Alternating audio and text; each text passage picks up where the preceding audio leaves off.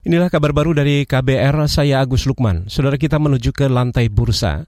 Perdagangan saham di Bursa Efek Indonesia pagi ini menunjukkan pergerakan positif. Data RTI mencatat indeks harga saham gabungan IHSG dibuka di posisi 6.948 dan terus menguat hingga 100 poin lebih atau 1,5 persen ke level 6.992. Posisi ini bahkan merupakan yang tertinggi dalam sepekan terakhir.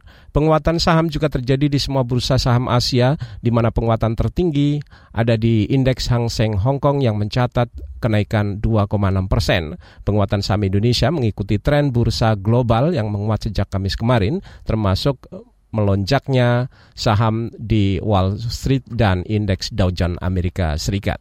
Kita menuju ke informasi lain, saudara. Pemerintah memutuskan menghapus kebijakan subsidi minyak goreng curah setelah dicabutnya larangan ekspor CPO dan bahan baku minyak goreng. Menko Maritim dan Investasi Luhut Panjaitan mengatakan subsidi tidak diperlukan karena pencabutan larangan ekspor itu disertai mulai diberlakukannya skema pemasokan kebutuhan pasar domestik atau DMO minyak goreng beserta bahan baku. Luhut mengatakan ia ditunjuk Presiden Joko Widodo untuk mengendalikan harga dan mengontrol distribusi minyak goreng. Pak Ateh mulai bulan depan akan mengaudit semua pengusaha kelapa sawit. Uh, berapa luasan kamu punya, terus kemudian status tanahmu, plasmamu, produksimu, sampai headquartermu. Headquartermu tidak boleh di luar negeri, harus dalam negeri. Karena ini semua kita buat terintegrasi, digitalize. Jadi dengan ini semua saya pikir uh, kita akan ada penerimaan negara pasti bertambah. Pak Ateh ya. Menteri Koordinator Maritim dan Investasi Luhut Binsar Panjaitan menambahkan audit perusahaan kelapa sawit merupakan kali pertama dilakukan dalam sejarah bangsa Indonesia.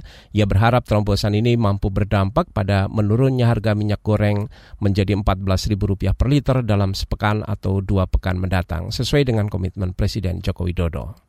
Kita ke informasi lain, Saudara Forum Rektor Indonesia mendorong agar kampus mampu mendeteksi dini dan memitigasi paham radikalisme di lingkungan perguruan tinggi. Ketua Forum Rektor Indonesia Panut Mulyono mengatakan saat ini pedoman deteksi dan mitigasi paham radikal di kampus merupakan kebijakan masing-masing universitas, namun ia mengimbau agar sejak awal mahasiswa diedukasi terkait anti radikalisme, kemudian memperkuat nasionalisme hingga keberagaman. Panut mengakui deteksi radikalisme di kampus kerap terhambat lantaran mudahnya mengakses informasi terorisme dengan sembunyi-sembunyi. Pertimbangan untuk memberikan bantuan hukum Ketua Forum Rektor Indonesia Panut Mulyono menambahkan deteksi baru bisa dilakukan saat calon mahasiswa sudah berstatus mahasiswa aktif.